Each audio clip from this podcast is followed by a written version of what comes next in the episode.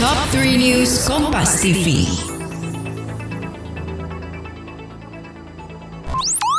Eits, ingin belajar soal mengelola keuangan dan juga investasi bersama ahlinya? Check out podcast Cuan Cari Untung bareng teman. Persembahan Motion KG Radio Network by KG Media yang tayang setiap hari Rabu hanya di Spotify.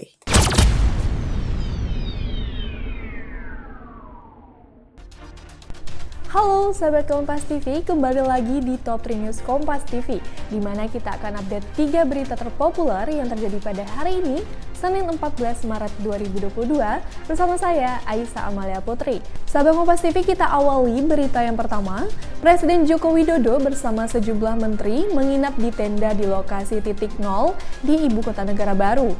Ini menandai dimulainya pembangunan IKN Nusantara di Penajam Pasar Utara, Kalimantan Timur.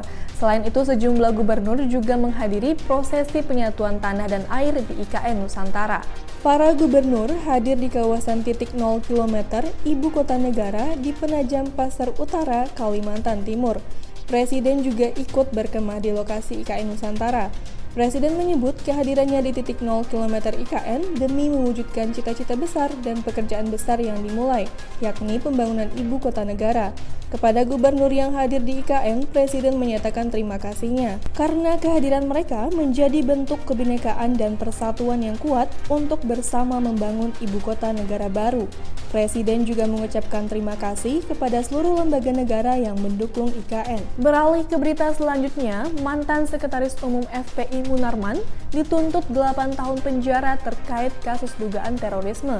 Jaksa menilai Munarman tidak mendukung upaya pemerintah dalam upaya pemberantasan terorisme. Dalam sidang yang digelar secara tertutup, jaksa meyakini Munarman terbukti secara sah dan bersalah melakukan tindak pidana terorisme. Menurut jaksa, Munarman terlibat dalam permufakatan jahat untuk melakukan aksi terorisme. Hal yang memberatkan tuntutan ini adalah Munarman tidak mengakui dan menyesali perbuatannya. Sahabat Kompas TV, berita yang terakhir, Komisaris Utama Pertamina Basuki Cahaya Purnama Senin siang meninjau kesiapan sirkuit Mandalika jelang gelaran balap MotoGP. Peninjauan dilakukan oleh Komisaris Utama Pertamina Ahok di seluruh titik, utamanya aspal baru. Ahok berharap pelaksanaan balap MotoGP minggu besok bisa berjalan lancar.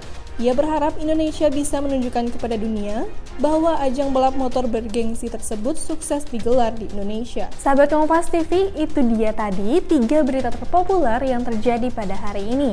Sudah saatnya saya, Aisyah Mulia Putri, pamit undur diri. Sampai jumpa di Top 3 News Kompas TV berikutnya.